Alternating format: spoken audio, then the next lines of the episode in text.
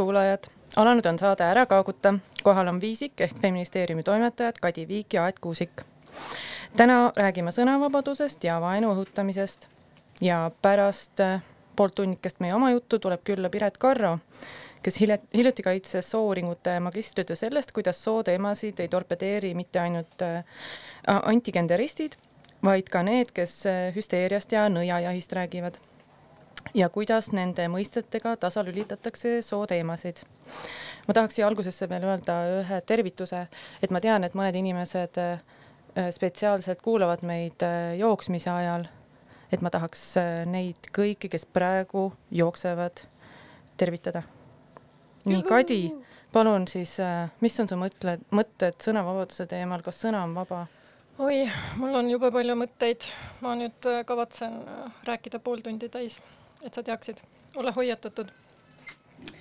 ei, tegelikult äh, miks me mõtlesime sõnavabadusest rääkida üldse, on muidugi äh, see palavalt armastatud raadiohääl Sky plussis äh,, kes on otsustanud siis kohtusse kaevata ühe kodanikuaktivisti, Katrina, kes koostas petitsiooni kus palus siis raadiojaamal või Sky meedial reageerida äh, selle raadiosaatejuhi rassistlikule ja šovinistlikule jutule ja eemaldada Alari Kivisaar raadioeetrist.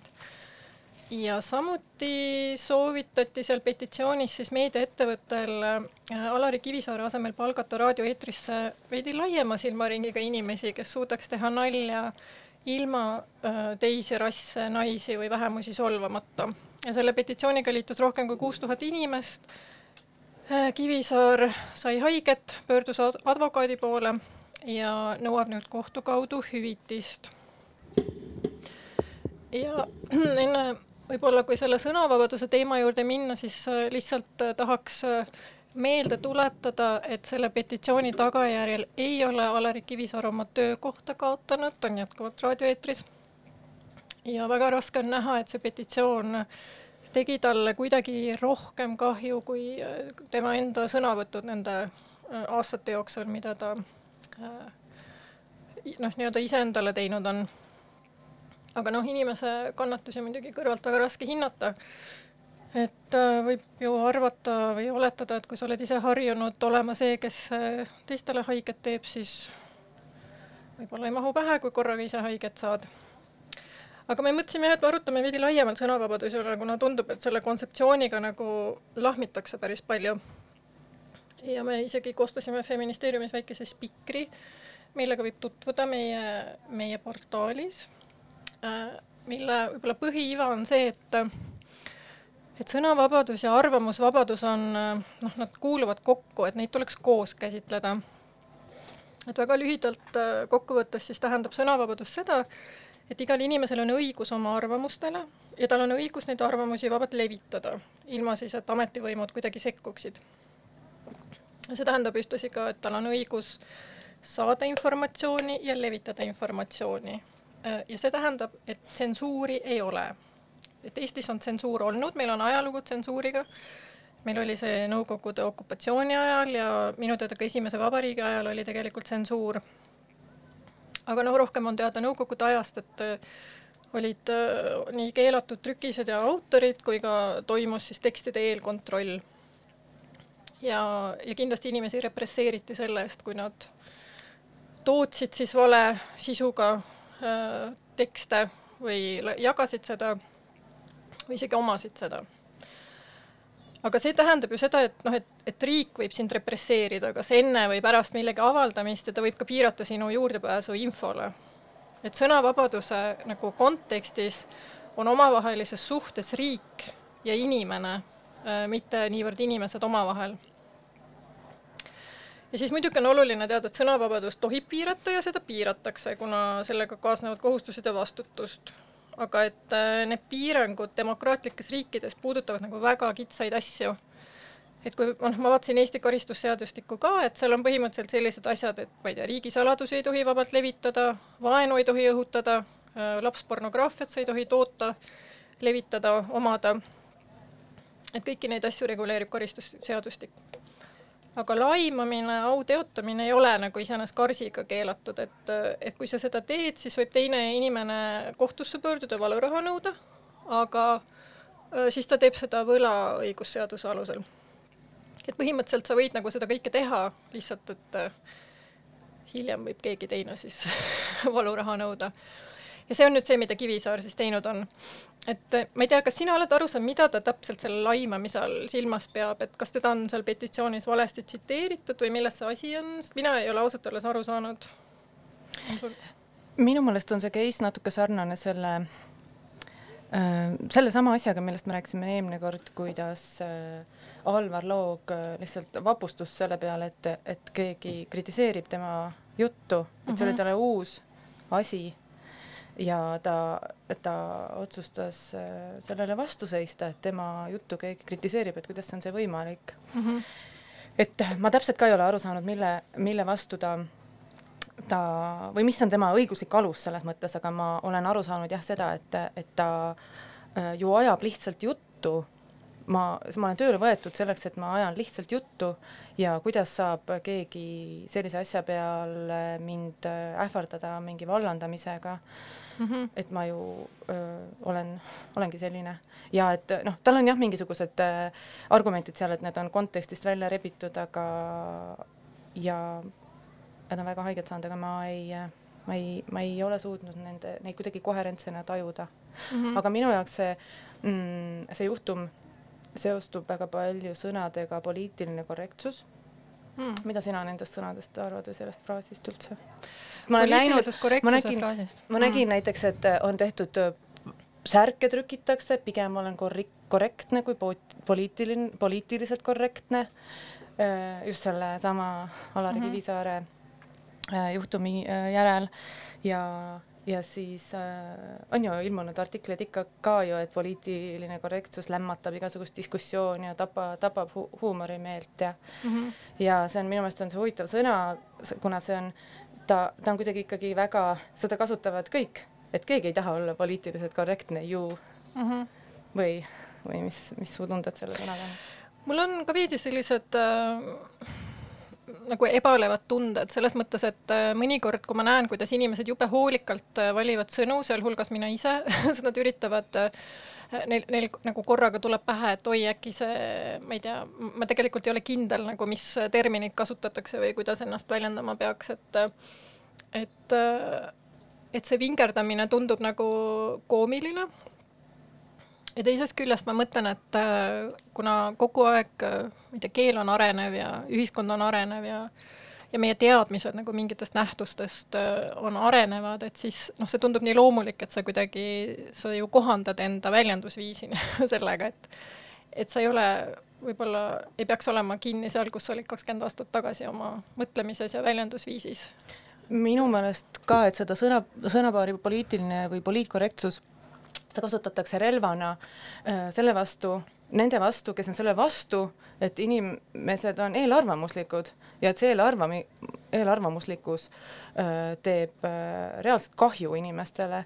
Ja sellel sõnal poliitkorrektsus on ju ka oma ajalugu, et ta on tulnud just sellest parempoolsest meediast ja aga ta on kuidagi väga-väga levinud äh, nagu äh, igal pool tõesti kõigi suus ja see on justkui see solvang, et ma ei taha olla küll poliitkorrektne, aga et mina võtan küll seda sõna sellise äh, ikka solvang, mitte solvanguna, vaid mul ei ole nagu seda solvumisgeeni, tõesti väga vabandan, aga, aga äh, nagu sellise mis see, sellise fraasina, mis on mõeldud äh, panna sind solvuma, kun-, kuna sa oled nagu mingi lumehelbeke. Mm aga minu meelest on selline tundlikkus on ikkagi tugevus, mitte nõrkus.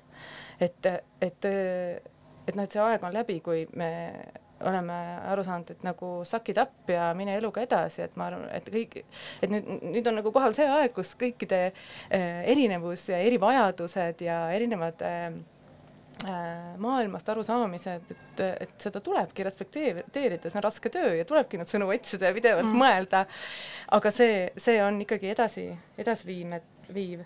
et see, see, selle sõna kasutamine minu jaoks on nagu hästi sihuke, ma ei tea, võib-olla Piret räägib sellest rohkem, on selline äh, relv äh, nagu konservatiivide, konservatiivsest meediast, et, et kaitsta iseennast kriitika eest mm. -hmm see vist käib kuidagi kokku sellega, et ikkagi ideaal on selline paksunahaline ja äh, ütleme, inimene, kes on üle nagu kõigest, et kes ei lase ennast äh, äh ma ei tea, kõigutada või häirida, et, et kui sa oled selline noh, õrn siis sa oled nagu kuidagi nõmedam äh jah, minu, mina olen selle enda jaoks nagu kuidagi lahti mõelnud nii, et pol-, et see eesmärk ei ole poliitiline korrektsus, vaid eesmärk on vabadus mm. -hmm. nagu mhm. vabadus eelarvamustest ja vabadus olla äh,, noh, kõigil kogeda vabadust olla mm -hmm. nii, nagu nad tahavad ja mitte kogeda mingeid agressioone meediast.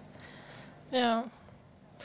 jah, ei ma, see on huvitav, sest et äh, mõnikord äh, mul on kahju, kui ma näen, kuidas äh, muidu selliseid progressiivseid mõtlejaid äh, kritiseeritakse ka sellepärast, et neil on mingisugused vääratused äh,, aga seda on üsna nagu ruttu aru saada, et kas selle vääratuse taga on nagu mõttemaailm või selle, noh, see tõesti oligi vääratus, et äh, sa ei tea nagu täpselt äh,.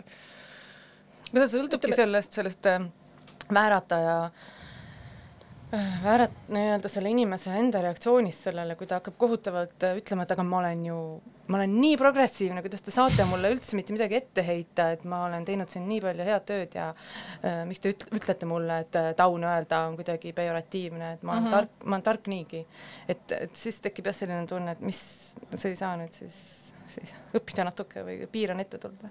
jah, jah see minu arust ka selle Kivisaare juurde korra tagasi tulles on huvitav, tõesti, ma olen ju juurelnud selle kontekstist välja rebimise üle, et ma eeldan, et, äh, et Kivisaar ise mõtleb seda, et äh, kontekst on nagu huumor. et ühesõnaga, et ta on mingit kildu rebinud ja et seda tuleb vaadata selles kontekstis, et ongi selline huumori, ma ei tea, saade ja noh, maitse on muidugi erinev, eks ju.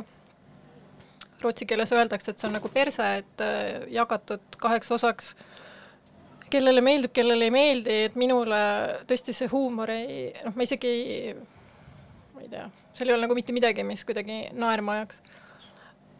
aga teisest küljest nagu tuleb minu meelest seda konteksti ka vaadata just äh, selles, et mis teemasid on käsitletud. ehk siis, et äh, kui nagu teemaks on vägistamine ja sa rebid kildu, mis on nagu paljude arvates väga maitsetu ja, ja väga äh, ütleme, tõesti teeb haiget, et äh, stiilis, et äh, äkki jooksjad hakkasidki kiiremini jooksma äh,, kui treener neid vägistas, siis noh, see on ka kontekst. et ühesõnaga huumor on võib-olla üks kontekst huumori jutumärkides, aga teine kontekst ongi ju see teema, millest sa räägid. et selles mõttes seda väljaütlemist või tema väljaütlemisi tulebki täpselt nagu nende teemade kontekstis ju ka vaadata, et mida, millest ta rääkinud on aga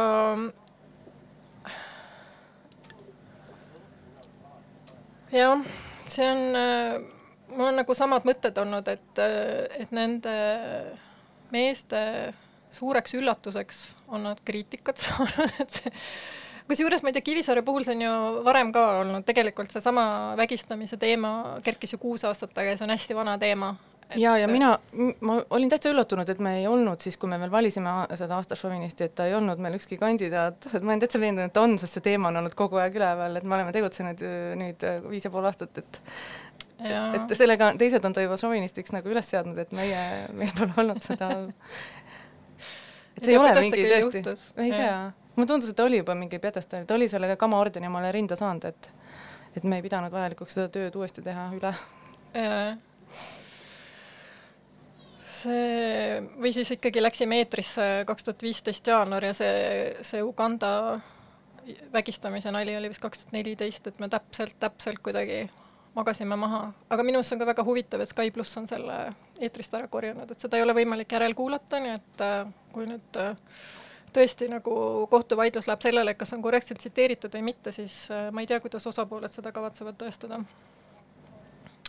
kas mängime vahele ühe loo? Palun mängi. mina olen valinud ühe loo äh, PJ Harvilt, mis on kaks tuhat üheksa tulnud, mis on väga hea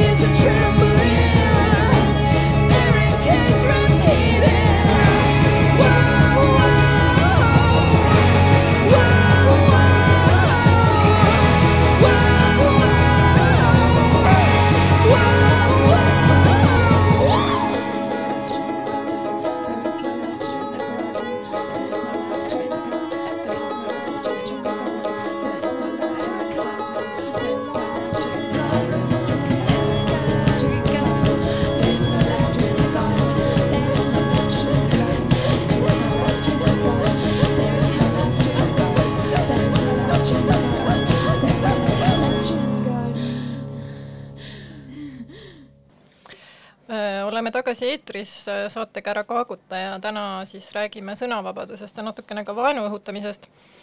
et üks asi, mis mind on selle Kivisaare äh, kaasuse puhul mõtlema pannud, on, äh, ma olen päris mitmelt poolt kuulnud seda argumenti, aga et miks sa raadiot kinni ei pane, miks sa pead seda kuulama, et miks nagu, miks sa ise lased umbes ärrituda, et noh, meil on Nõmme raadio ka.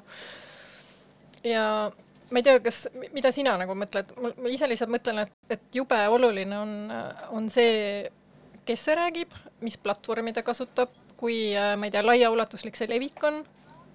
et Nõmme raadio on, on tõesti olemas ja ma ei kuula seda. Tre raadio on ka olemas. jah, just. aga et äh, Sky plussi näol on nagu tegemist ühe väga nagu suure ulatusega ja Sky pluss ei ole ju lihtsalt raadio, et Sky pluss on meediaplatvorm, samamoodi mm -hmm. kui Delfi või noh, ta on muidugi väiksem, aga seal töötavad ajakirjanikud ka ja neil on korralik, korralik lugude ja kajastuste baas ja ajakirjanikud tööl, et nad on ikkagi, ei ole lihtsalt mingisugune, ma ei paneks teda ühele positsioonile selle Tre raadioga, aga küsimus on ikkagi selles äh, samas äh, mõjus või kontekstis või selles, et inimesel mm,, inimesel, kellel on tohutu mõju äh, teistele, noh, oma kuulajatele, mingisugusele jälgijaskonnale, et ta seda mõju ei arvesta või ta ei tee välja sellest mm, -hmm. kui talle seda kriitikat edastatakse, et ta ei suvatse ennast äh, parandada ja mind ikkagi väga paneb äh, muretsema see äh, no ma olen kiusliku inimesena, ma olen nagu alati huvitatud rahast. kust tuleb raha, kuidas liigub raha, kellel on raha ja ja Sky plussil on hästi palju äh, reklaamiostjaid ja et ka ja, ja noh, et ka nemad panevad ju oma raha sinna, et see leviks koos äh,, koos selle Kivisaare sõnumitega, et nad ostavad sealt seda reklaami, et see, et see on mingi noh, tohutu niisugune komplekt mm, asju, mis on hästi-hästi ebamugavad kogu selle Sky plussi juures. aga mis sai sellest ideest survestada just reklaamiostjaid? Äh, kas sa tead midagi sellest? Ma ei oska öelda, võib-olla siin on mingisugune enesetsen-, enesetsensuuri teema, aga mm -hmm. ma, ma jah, kuulsin midagi, aga nüüd see on nagu ära vajunud. et kuhu see kadus, ma ei tea, aga ma pean, ma, ma saan nagu uurida seda. uurime edasi. uurime edasi, jah. väga jumekas, jumekas idee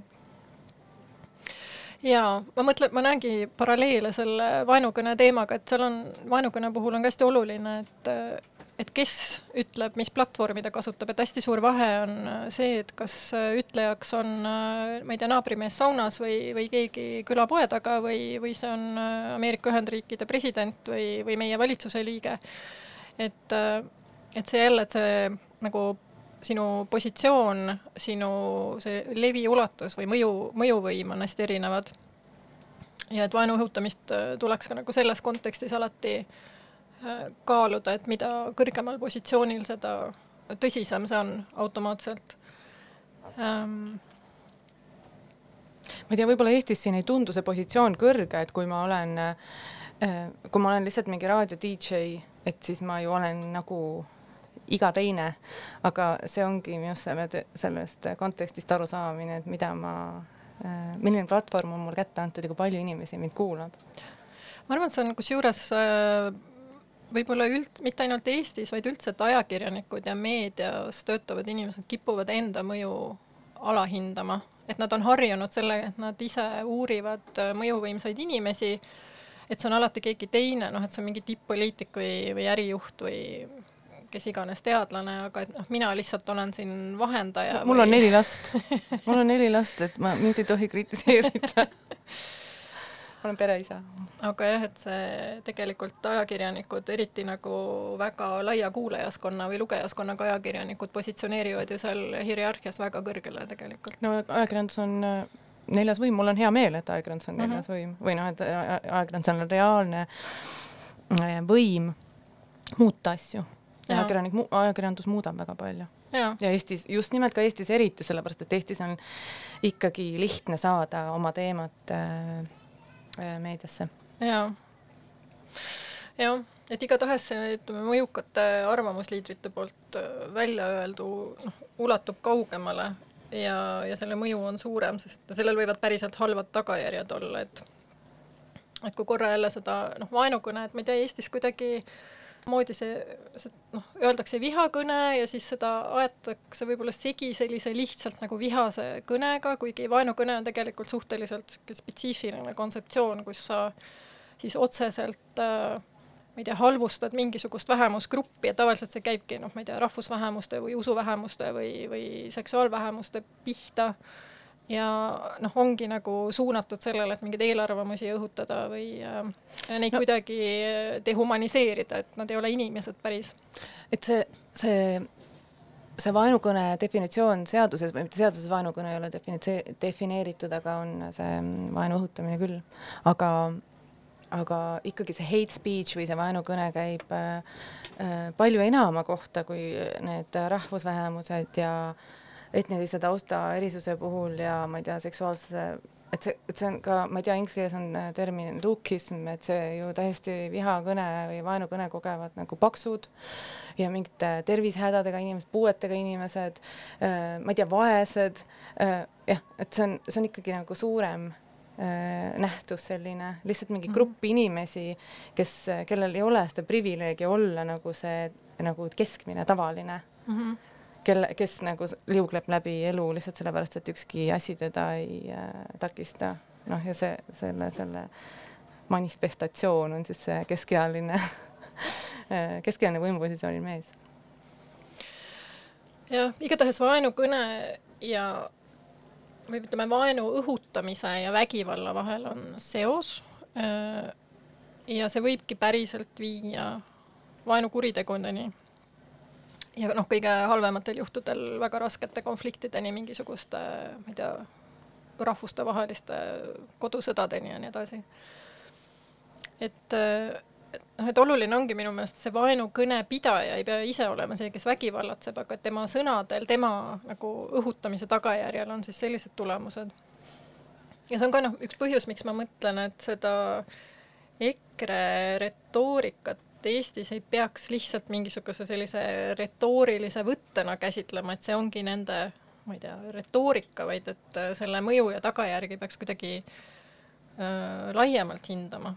et noh, korraga neil on see platvorm, neil on mingi legitiimsus, neil on äh,, ma ei tea, neil ongi ministrikohad, et nende erinevad ütlemised siis erinevate vähemusgruppide aadressitel, aadressil ongi sedavõrra tõsisemad et noh, kunagi nad ei olnud parlamendis, et nad olid nagu need mehed seal külapoe taga, eks ju. aga et nüüd on nagu vabariigi ministrid räägivad. et äh, päris, päris suur vahe. aga mis sa muidu arvad, et kas selle raadio peaks siis kinni keerama või? ei no see, see vaenukõne ju häirib ka neid inimesi, kes pole seda raadiot kunagi avanudki mm.. et see on laiema levi, levikuga või laiema inimesed ei ole selle vastu, äh, et inimesed, ei maksa arvata, et inimesed ei oska raadiot kinni panna või ma ei saa üldse aru, kust see nagu see soovitus, soe soovitus nagu tuleb, et keera raadio kinni, et see on ikkagi äh, selle mõju vastu või inimesed saavad aru, need protesteerijad saavad aru sellest, äh, millise mõjuga need sõnad on. jaa. ja see tuleb võib-olla üllatusena sellele Kivisaarele ja tema kaitsjatele, et jutt, noh, nagu sõna on tegu või kõne mm -hmm., kõneakti, kõneakti teooria Gu. guugeldage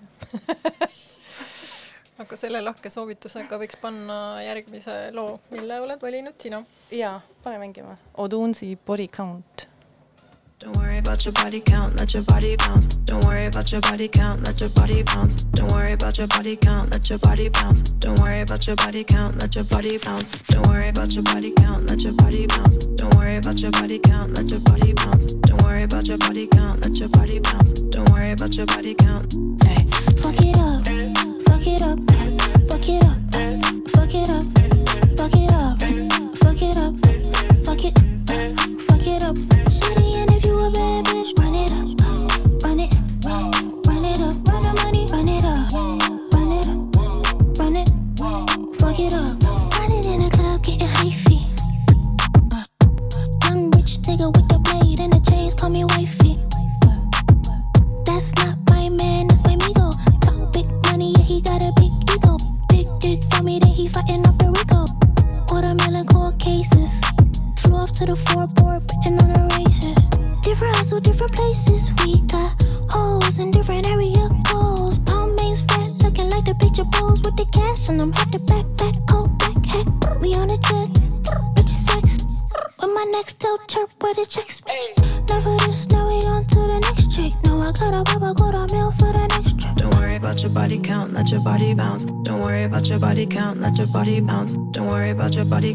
your body bounce. Don't worry about your body count, let your body bounce.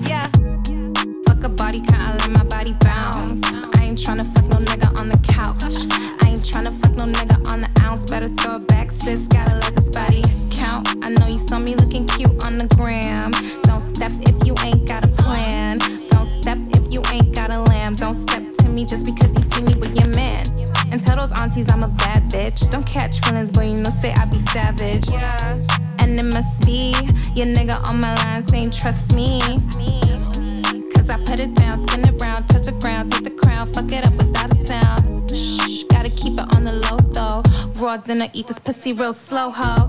Mmm, yeah, you know that I like that. Beat it up and fight back, now you can catch us flight back. Got no time for chit chat, tryna get the big stack. Triple, double, Big Mac, gotta feed the big cat. Big cat. Sagittarius, so you know that I'm a freak. Got a man, but I'ma let you have a peek. It's a meal, boy, I know you used to treats. T enough, he wanna kick it every week. Ära kaaguta on tagasi ja Ida Raadio Kuuti on jõudnud äh, Piret Karro, tere Piret Karro. tere! sa kaitsesid just äsja magistritöö ja oled värske magistrikraadi omanik. palju õnne! aitäh! ma tahan anda sulle kingituse. jess. ma annan sulle üle Feministikud, mis on Feministeeriumi ja saate Naine ajas koostöös valminud äh, feministlikud mõistatuste vihikud. oi kui tore, nii et aitäh! saan nüüd uue tarkusega lahendama hakata ähm, sinu magistritöö kandis pealkirja You are being hysterical and this is a witch hunt Dis. Discourses discrediting gender in Estonian media. Et ähm, jah, sellise asjaga said hakkama, aga palun tutvusta ennast, kes sa oled ja mis sa teed peale selle, et sa just said sellise tükiga hakkama jah, peale siis soouuringute magister olemiseks ähm, olen ma Feministeeriumi kaasautor näiteks ja ka Müürilehe ja Vikerkaare mõne teise väljaande kaasautor. Äh, ja mõne aasta eest olin ka veel Müürilehe kultuuritoimetaja.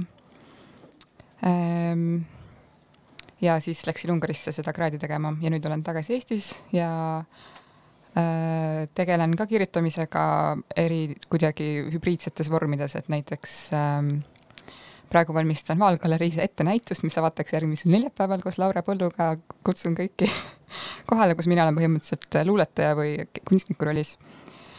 Äh, ja siis kirjutan veel ka muudes formaatides asju, Sotsminnile ja mõnele teisele väljaandele veel siukseid tõsisemaid ja vähem tõsisemaid. ei tea, ma kuidagi ma nagu kirjutan, ütleme nii aga räägime siis sinu sellest viimasest äh, äh suuremast tööst, et sa oled uurinud pikemalt seda, kuidas sooteemasid torpedeeritakse Äh, miks seda tehakse? jaa. Me, meie tööd ka pidevalt torpedeeritakse et miks küll huvitav um, jah, noh, äh, põhimõtteliselt noh, mina olen, me nüüd räägime nendest mõistetest hiljem natuke täpsemalt ka, et mina siis olen uurinud anti-gender või nagu soolisuse vastast ideoloogiat ja siis Eestis ka äh, sellist laiemat misoküünset keelekasutust ajakirjanduses hüsteeria ja nõiajahi näitel.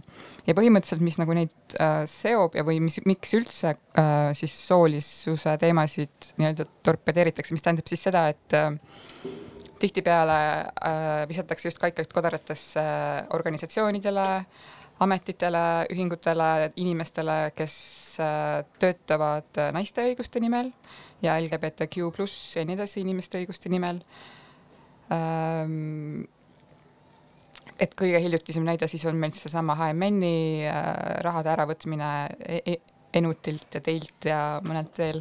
see katse praeguseni pole ära võetud, aga. jah, õnneks äh, aga noh, see, see katse, et siis see on üks, üks nendest äh, sellistest soolis- äh,, jah, soolisuse vastase tegevuse näidetest Äh, ja põhimõtteliselt äh, noh, et pärast räägime, mida see tähendab, see soolisuse vastasus, aga mm -hmm. et ähm, põhimõtteliselt äh, jah, sisu on lihtsalt selles, et nagu säilitada noh, patriarhaati, eks ju, või säilitada seda, et meil on see keskealise Eesti mehe võimupositsioon nii enesestmõistetav ja nii levinud ja nii normaliseeritud.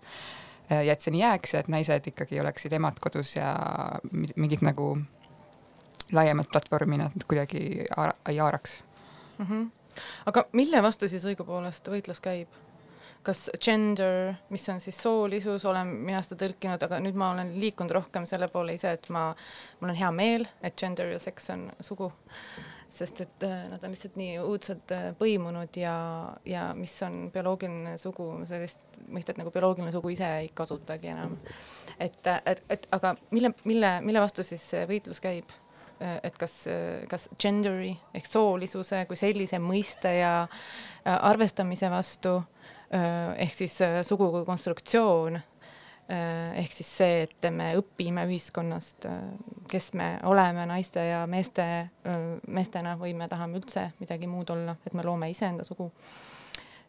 või siis, või siis käib see selle nimel, et, et oleks kindlasti noh, mees-naine soobinaar, binaaria paigas või, või, või mis, kuidas, mille vastu ollakse, kui ollakse äh, nojah, natuke need asjad, eks ju, seotud, et see mm -hmm. mees-naine soobinaaria, et see väide on ähm, noh, väide ongi see, et on ainult mehed ja naised ja jutu lõpp, aga see ei ole see nagu ei peatu seal, vaid tegelikult see väide on see, et on ainult ühte väga kindlat tüüpi mehed ja ühte väga kindlat tüüpi naised ja jutu lõpp, et need inimesed, kes äh, sellesse kindlasse tüüpi ei taha ennast äh, nagu ei taha ennast sel moel väljendada, vaid mõnel muul moel, et nemad on ka äh, siis nii-öelda noh, eksivad või nagu nende vastu siis töötatakse isegi, kui nad identifitseerivad ennast kas mehe või naisena.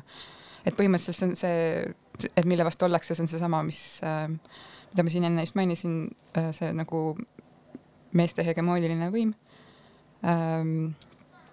soobinaaria vastu, noh, sellise, selle soobinaaria kriitika vastu ka muidugi ollakse äh,. noh, ma ütleks tegelikult jah, mõlema vastu et nii sellise äh,, selle väite, et soolisus on spektrum ja äh, Äh, et soolisust võiks mõista siis nagu selle gender'ina või nagu laiemalt äh, kui seks või mingisugune bioloogiline sugu, mis on hästi küsitav mõiste ise mm. -hmm. noh, kui ka, kui ka siis äh, ollakse selle vastu, et naised äh, et nai-, naisesus või naiselikkus võiks olla mingi natuke laiem, kui, kui ta, ta mingisuguses näiteks EKRE vaates on või, ja ka mehelikkus. aga mida need äh mõisted või terminid anti-gender ja anti-feminist äh, tähendavad, mida sa oma magistritöös korduvalt kasutad, et seda anti-gender, mulle tundub, et seda äh, äh sellest äh, kuidagi jah, loogikast lähtuvad äh, see sihtasutus äh,, mida veab Varro Vooglaid ja, ja, ja teised, aga, aga mis need, mis need on? Või kas, kas seal on mingi erisus ka sinu meelest? Ähm,?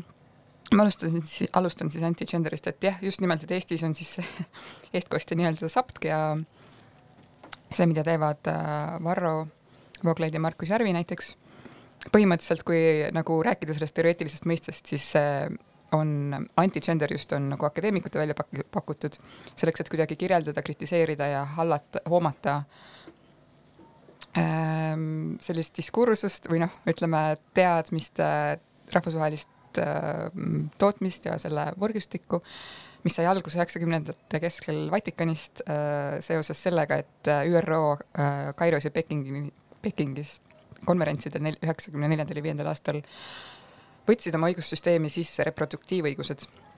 Vatikanis mindi selle peale ähmi täis Äh, sest et hakati kartma, et see gender, siis tuli see gender'i küsimus või nagu selle mõiste kasutus ka äh, mängu, et et äkki selle gender'i kasutamine lahustab meil ära kõik traditsioonilised perekondlikud soorollid ja nii edasi. ühesõnaga, siis hakkas Vatikan selle vastu töötama, et äh, ei, ei räägitaks äh, soolisusest väljaspool emaduse ja isaduse kohustust ähm, ja siis sealt nagu üle, siis ähm, ühel hetkel alustas tööd Brasiilias äh, organisatsioon nimega Tradition Family Property, mis hakkas tootma, ähm, mis oli selline katoliiklik organisatsioon, mis hakkas tootma õppevahendeid, äh, tekste ja äh, üritusi, kus seisti vastu samamoodi igasugustele naiste ja LGBT õiguste üritustele, organisatsioonidele. Ja Brasiiliast see lõpuks jõudis oma, omadega Eestisse Euroopa kaudu, Euroopas on hästi palju selliseid SAPTK-laadseid organisatsioone, äh, kes on omavahel võrgustikus, kes jagavad omavahel materjale, see kõlab hullult süvariiklikult, eks ju, aga ähm, SAPTK ise ka ei varja oma seost EEP-ga. ja siis meil nüüd omakorda on äh, siin äh, Varro ja Markus, kes äh, räägivad sooideoloogiast. Hakkasid sellest rääkima juba ammu, aga kahe tuhande neljateistkümnendal aastal, kui meil oli kooseluseaduse debatt, siis see nagu sai äh, hästi palju õli tulle äh,. ja kui nagu te märk- märkate mõnes tekstis seda sooideoloogia sõna tõsimeeli kasutatavat, ehk siis mitte kriitilise mõistena, vaid nagu, et tõesti keegi räägib, et on mm -hmm. olemas mingi sooideoloogia, siis võib juba aimata, et seal on nende SAPTK ja selle anti-gender diskursuse sarved kuskil paistavad mm. -hmm. Ähm, ja jah, ühesõnaga see äh, anti-gender diskursus, nagu seda akadeemias nimetatakse, ongi siis see diskursus, mis ütleb, et äh, näiteks reproduktiivõiguste eest seismine on sooideoloogia, mis on traditsiooniliste peremudelite lõhkumine mm. -hmm. et seal luuakse nagu nende kolme asja vahel selline mm -hmm. seos. aga mis vahe, mis, mis see äh, nagu, kuidas ta korreleerub lihtsalt tavalise fe feminismi vastasusega? Ja ma, ühesõnaga oma töös ma nagu, kuna ma oma töös alustasin sellest anti-gender teooriast, aga ma läksin edasi natuke laiema pinna peale, ehk hakkasin rääkima tegelastest, kes ei kuulu SAPTK-i, aga ikkagi kuida-, mingil moel viskavad kõik kodaratesse erinevatele naiste ja LGBT inimeste õiguste eest võitlejatele, siis ma võtsin kasutusele sõna antifeminism ja see võib tähendada veel laiemaid asju kui minu kasutuses, aga mina pean silmas lihtsalt sellist äh, tegevust, mis õõnestab äh, või takistab äh, nende asutuste tööd, kes äh, seisavad näiteks reproduktiivõiguste eest, naiste õiguste eest äh,, kes seisavad selle eest, et abort oleks ikkagi kättesaadav inimestele, et antibeebipillid oleksid kättesaadavad, et seksuaalharidus oleks kättesaadav ähm, ja nii edasi, et see antifeministlik mõiste on siis ähm, natuke laiem lihtsalt. okei okay., aga sa oled äh, ilmselgelt hästi palju lehti lugenud. et millised need äh, suured ja olulised jõujooned sulle silma jäid, millest ka meie kuulaja võiks teadlik olla, kui ta nüüd äh, mm, märkab neid, neid termineid tekstides? ja ühesõnaga siis oma nende lehtede lugemise käigus ma siis võtsin ette mõisted nagu hüsteeria ja nõiajaht Need tõesti korduvad? ja need korduvad hästi palju äh,, aga üll-, nagu üllatuslikult äratuntavate mustrite põhjal. Äh,. nõiajahi, vabandust, ma alustan hüsteeriast, hüsteeriast äh, ma rääkisin Tiit Oihasoo kaasuse tõukel, mis algas aastal kaks tuhat kuusteist, kui äh, ta ründas ühte oma naisalluvat. Ja sellest sai alguse ka saja nelja kiri mis oli siis selline üle saja inimese allkirjaga avalik pöördumine presidendi poole, et äh, lavastajad, kes on kasutanud vägivalda varem, ei tohiks äh, panna niisugusele auväärsele platvormile nagu EV100 lavastamine, selle äh, etenduse lavastamine seal. ja siis sellest kirjast lahvatas meeletu meediatorm, kus äh, räägiti sellest, et naistevastase vägivalla, noh, sisuliselt räägiti sellest, et naistevastase vägivalla kritiseerimine on hüsteeria ja meediapeks ja kanakarjakambakas ja nii edasi. ja, ja kusjuures hüsteeria selle mõis-, seda mõistet varem kasutati, kui vaadata nagu näiteks Digaris, see on see aja, Eesti ajakirjade arhiiv, ajaleheartiklite arhiiv, kui seal nagu niimoodi va-, panna hüsteeria sisse ja hakata scroll ima neid tuhandeid artikleid, mis üles Mhm. tulevad, siis seda varem kasutati enne aastat kaks tuhat kuusteist, pigem siis, kui mõni Nõukogude Liidus elanud inimene meenutas vanu aegu. või siis, kui sul oli, kui mõnes nagu selles ähm, ravimtaimede portaalis, kus räägiti sellest, et millised teed äh, inimesi rahustavad. aga siis, kui Ene-Liis Semper hakkas lavastama oma lavastust Hüsteeria, tuli mõiste kasutusse naistevastase vägivalla kontekstis Mm. nii et see on nagu sihuke huvitav esi, esmakordne nagu äh, hetk. Ta ütles seda esi, esimest korda ühes intervjuus, aga äh, sealt edasi ühesõnaga hakati rääkima väga nagu noh, paljud teised korjasid selle üles ja hakkasid rääkima siis sellest, et äh, et te olete hüsteerilised. ja, ja teine sõna on nõiajaht, mida ma siis vaatasin eks-, EKRE-ga seoses kelle puhul tuli see mõiste mängu kahe tuhande viieteistkümnendal aastal, kui nad esimest korda parlamenti said ja ühtlasi said väga palju poliitilist kriitikat oma erakonna kohta, kuna mitmed liikmed seal kasutasid mingeid fašistlikke või lausa natsistlikke sümboleid oma tätoveeringutes ja mujal või mingites prossides, mis nad mõne ametliku pildi peal kandsid. Äh, ja sõnavõttudes ja palju, siis mõne, nagu mitmed ajakirjanikud kritiseerisid EKRE-t selle eest, et kuidas on võimalik, et üks selline fašismiga flirtiv partei meil nüüd erakonnas on. ja EKRE liikmed äh, nii-öelda pareerisid seda kriitikat sellega, et ei, see ei ole tõsiseltvõetav kriitika, ma ei vasta teie argumentidele vastuargumentidega, vaid me kutsume teid äh, nõiajahtjateks mm.. aga millist mõju need äh, tasalülitamisvõtted, need hüsteerikud templi pealepanemine ja ja mingi nõiaks põhim-, nõiajahtijaks kutsumine, et mis, kas sa oled seda ka vaadanud tekstidest, et et kas siis inimesed tõmbavad tagasi või nad vaju- valivad mingit teist retoorikat või või mis mõju need äh, avaldavad? et ma, kas on ka, et ma, ma ei pea siin nõiajahti, aga ma ei taha hüsteerikuna mõjuda, aga kusjuures niisugust äh, vormingut ma ei olegi veel kohanud mm. Ehm, no mõjust on nagu raske rääkida, siis peaks võtma need tekstikorpused kõik nagu selle pilgu all ette, et tegelikult taga, otseselt nagu ma ei ole näinud seda, et tagasi tõmbaks ennast keegi mingi ühe kaasuse raames. kuigi mulle nüüd on tundunud näiteks, et kui kaks tuhat viisteist ja seal natuke edasi, kaks tuhat kuusteist, et selle Ojasoe ajal veel räägiti hüsteeriast, siis minu meelest nüüd Aivar Mäe ajal ei ole enam räägitud hüsteeriast, kuigi on tulnud ka igasuguseid muid naljakaid sõnavõtte. Me Too ajal räägiti küll palju hüsteeriast. just, Me Too oli, Me Too oli üks neid hetki, kui väga-väga kõvasti kostis seda hüsteeriat.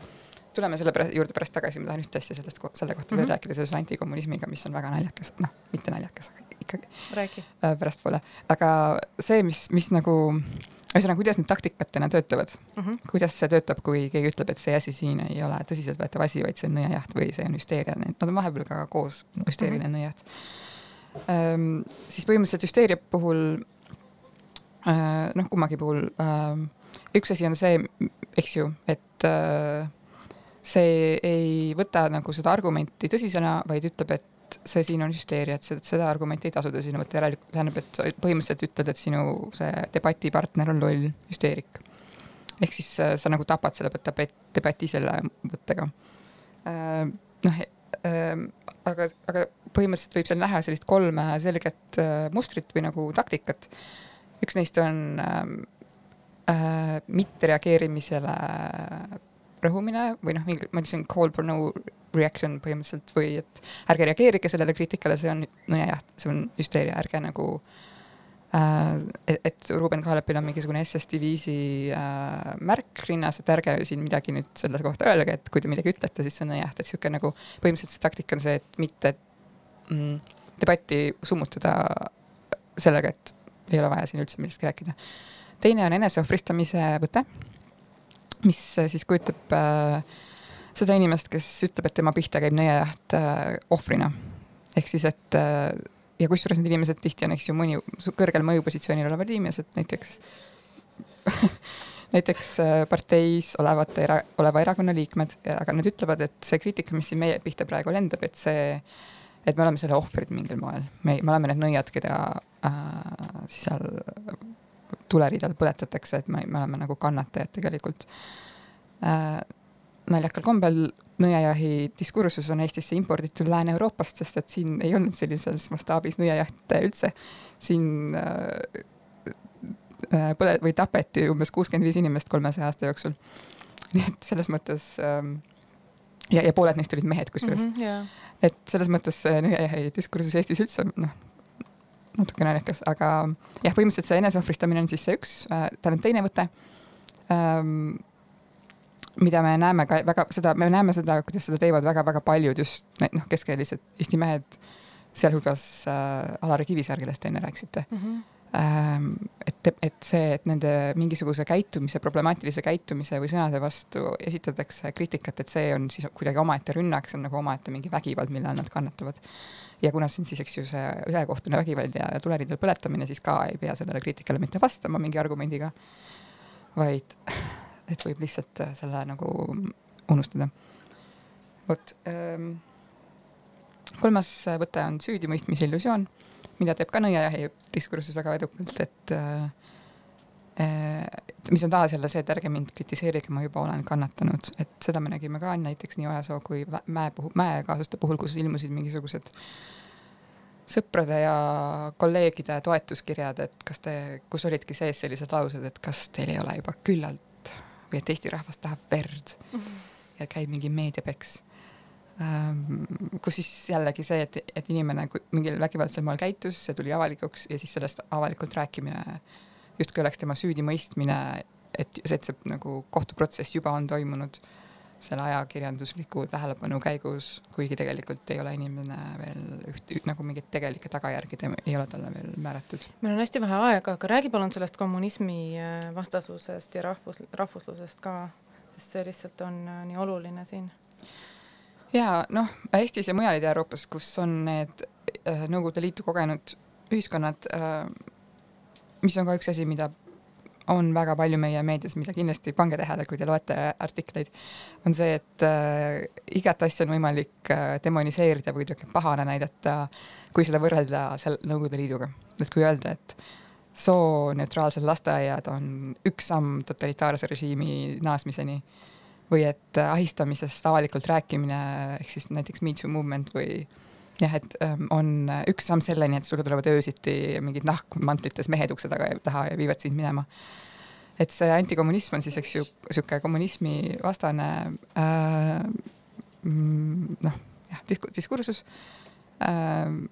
noh, nagu mitte avamata seda laegast, et kommunism hea või halb, nii edasi, siis see põhimõtteliselt see lihtsalt võtab selle äh, repressioonide, küüditamise, kuklasse laskude ja nii edasi trauma Äh, ja selle ja kasutab seda nagu retoorilise võttena selleks, et mida, millegi eest hirmutada mm -hmm. ja tihtipeale see, mille eest hirmutatakse, on siis äh, noh, mingid naiste õigused või reproduktiivõigused, mingisugused äh, nagu progressiivsed. kasvõi platvormi andmine sellele naiselikkuse või sellele soolisusele, mis ei esinda siis seda äh, koduse ema rolli mm -hmm. isegi, et isegi seda saab see kuidagi hirmut-, tohutult, tohutult hirmutavana esitada, et justkui see naiste emantsipatsioon tekitakski seda äh, impotentsust või midagi sellist ja see on kuidagi, kuidagi, kuidagi siis korrelatsiooni panduna kommunismiga, et niisugune tore supp.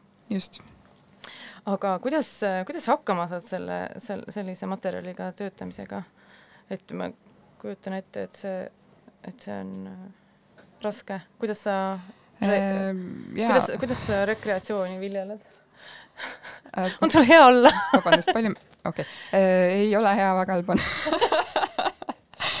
Äh, jah, et tuleb küll natuke oma vaimse tervise eest seista ja kuidagi tähele panna seda, et see ahistamisest kirjutamine näiteks äh, ei ole üldse lõbus, ei ole üldse tore, vahepeal hakkad nutma kolmandal leheküljel mingit uuringut lugedes. Ähm,. aga tuleb ähm, et no minu meelest natuke tegelikult see kirjutamine iseenesest üldse nende teemadega tegelemine, et selle, sellest saab mõelda kui mingist enesekaitsevõttest, et sa nagu kood endale seda enesekaitsekangast sellega, et sa neid teemasid lahkad ja analüüsid ja kuidagi lase, nagu lood seda materjali, mille abil saab siis ähm, tõkestada sellist tuima mm, naistevastase vägivalla pooldavat tööd näiteks. aga sellest ei piisa, tuleb ka palju sõpradega rääkida asjadest ja et inimesed nagu enda ümber hoida inimesi, kes jagavad seda, saavad aru, mis värk on ja toetavad sind ja kuidagi saab nagu kellega ventileerida ja kuidagi. tuleb mullistuda. Oma mull, oma mull, ma olen täiesti seda poolt, et sul peab olema see oma kaitsemull ümber, muidu sa ei saa seda tööd teha lihtsalt jaa, on küll, selles mõttes, et väga tähtis on, et sul oleksid inimesed, kes poole sõna pealt saavad aru, et millest sa räägid ja miks see inimene, noh, milles, miks mingi väide mingi ilge totrus on, et sa ei pea nagu seletama hakkama seda uuesti. aga enne kui ma loen, äh, meil on jah saade kohe-kohe läbi, äh, ma tahaks äh, lugeda mingeid korralisi teadaandeid, aga Piret võttis kaasa meile sooviloo ka, et selle ma panen kõige lõppu, mis lugu, mis loo sa võtsid? Saadab on air More Women. väga hea, aitäh tulemast! aitäh kutsumast! Ehm, meie korra, feministeeriumi korralised teadaanded on järgmised. nädalavahetusel esinen mina ja Nele ähm, esimesel sotsiaalse õigluse ja kliimaõigluse festivalil Y äh,, X siis Y festivalil äh,. me teeme seal laupäeva hommikul isiklike piire, piiride teemalise õpitoa ja pühapäeva hommikul feministliku meedia ja loovkirjutamise õpitoa. Need on tõenäoliselt inglise keeles, aga vaatame publiku pealt järgmise nädala kolmapäeval kell kaheksateist toimub Feministeeriumi kontoris äh, feministliku lube, lugemisgrupi esimene kohtumine sellel hooajal, kuhu on kõik oodatud. arutame koos, mida lugeda ja kui tihti kohtuda, see on ingliskeelne kohtumine. kolmekümnendal augustil toimub Tallinnas abordivastane elumarss. me ei reklaami seda marssi, aga Grupp Feministe plaanib samal ajal teha nähtavaks feministlikku kogukonna vaadet. kui oled nende liikumisest huvitatud, siis järgmisel nädalal teeme Äh, anname teada, kuidas need äh, kohtumised kohtu, äh, toimuvad, et hoidke sotsiaalmeedial pilk peal. Ja meie kontor, Kuntur, ootab augustis ja septembris külalisi igal teisipäeval avatud kontorisse vahemikus kell kaksteist kuni kaheksateist ja kolmapäeval vahemikus kell kuusteist kuni üheksateist. meil on uus lamp ja palju raamatuid, tulge. ja lõpuks septembris algab töötubade sari Tööalase suuna leidmine, mis on mõeldud inimestele, kellel on töökohal järjest raskem rõõmu ja äh, tähendust leida ja kes otsivad õiget suunda. Äh, jälgige jällegi meid igal pool. Ja tänan veel kord Piret Karro tulemast ja oma magistritööst rääkimast, soovin kõigile head suve lõppu ja kohtume septembris